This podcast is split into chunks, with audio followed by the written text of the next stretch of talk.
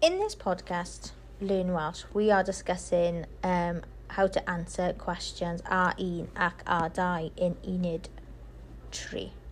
So we are currently on to Dalin Pedwar, page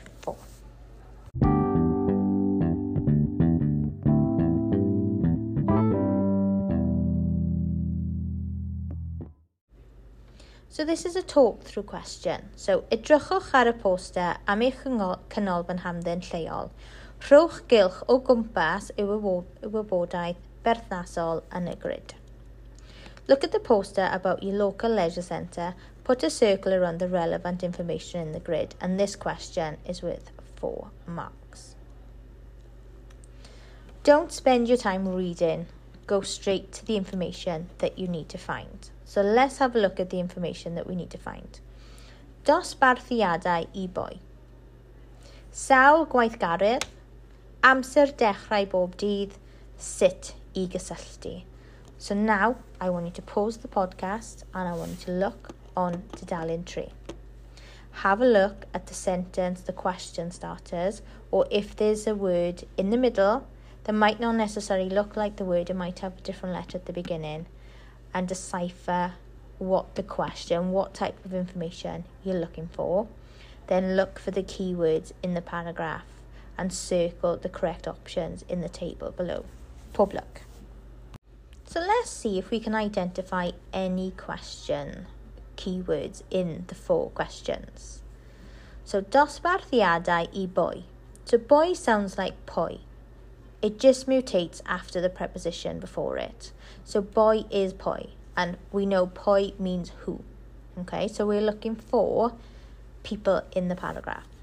The second one, "saul," "saul" means how many. So we're looking for a number, and we've got three options to look for.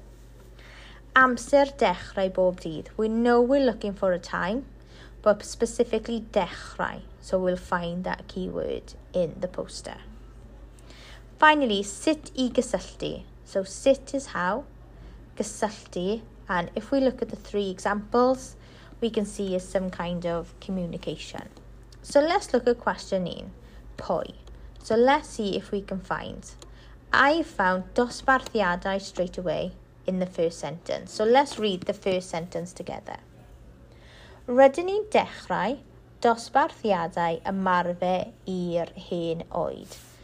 So we've seen the dosbarthiadau, the key word. Now we're looking for who in the sentence. If you're unsure, go back to the options. Do we know what children is in Welsh? Children in Welsh is plant, so can we see plant in the par- in the poster? The next one, it could be fringi or it could be young people, which is poor ifanc. Can we see that? If not, it could be the third one. So, do we know what older people are in Welsh? Try and think of other vocabulary that you know to do with old. So, for example, old fashioned. Do we know what old fashioned is? Hen fashion. Okay. So, if you see in the first sentence, we can say see hen. So, it is the third picture that we circle. Right, sal. Now we're looking for an amount. Okay. Can we see deg, chwech o un in the next sentence. Mae 16 gwaithgarydd newydd gyda ni. So, gwaithgarydd is the question, so we found the keyword. Can we see the number? Yes, it's chwech. We can see chwech in the poster. The third one then, amser. So, the third sentence, can we see time there? Mae nhw'n ymlaen bob dydd yn dechrau am ddau o'r gloch. Da iawn, so the time is dau o'r gloch, which means two o'clock. The final one then, sit i gysylltu. So straight away, can we see something that stands out? So we would be looking at the email address, um, a person's name for the middle one, or a telephone number.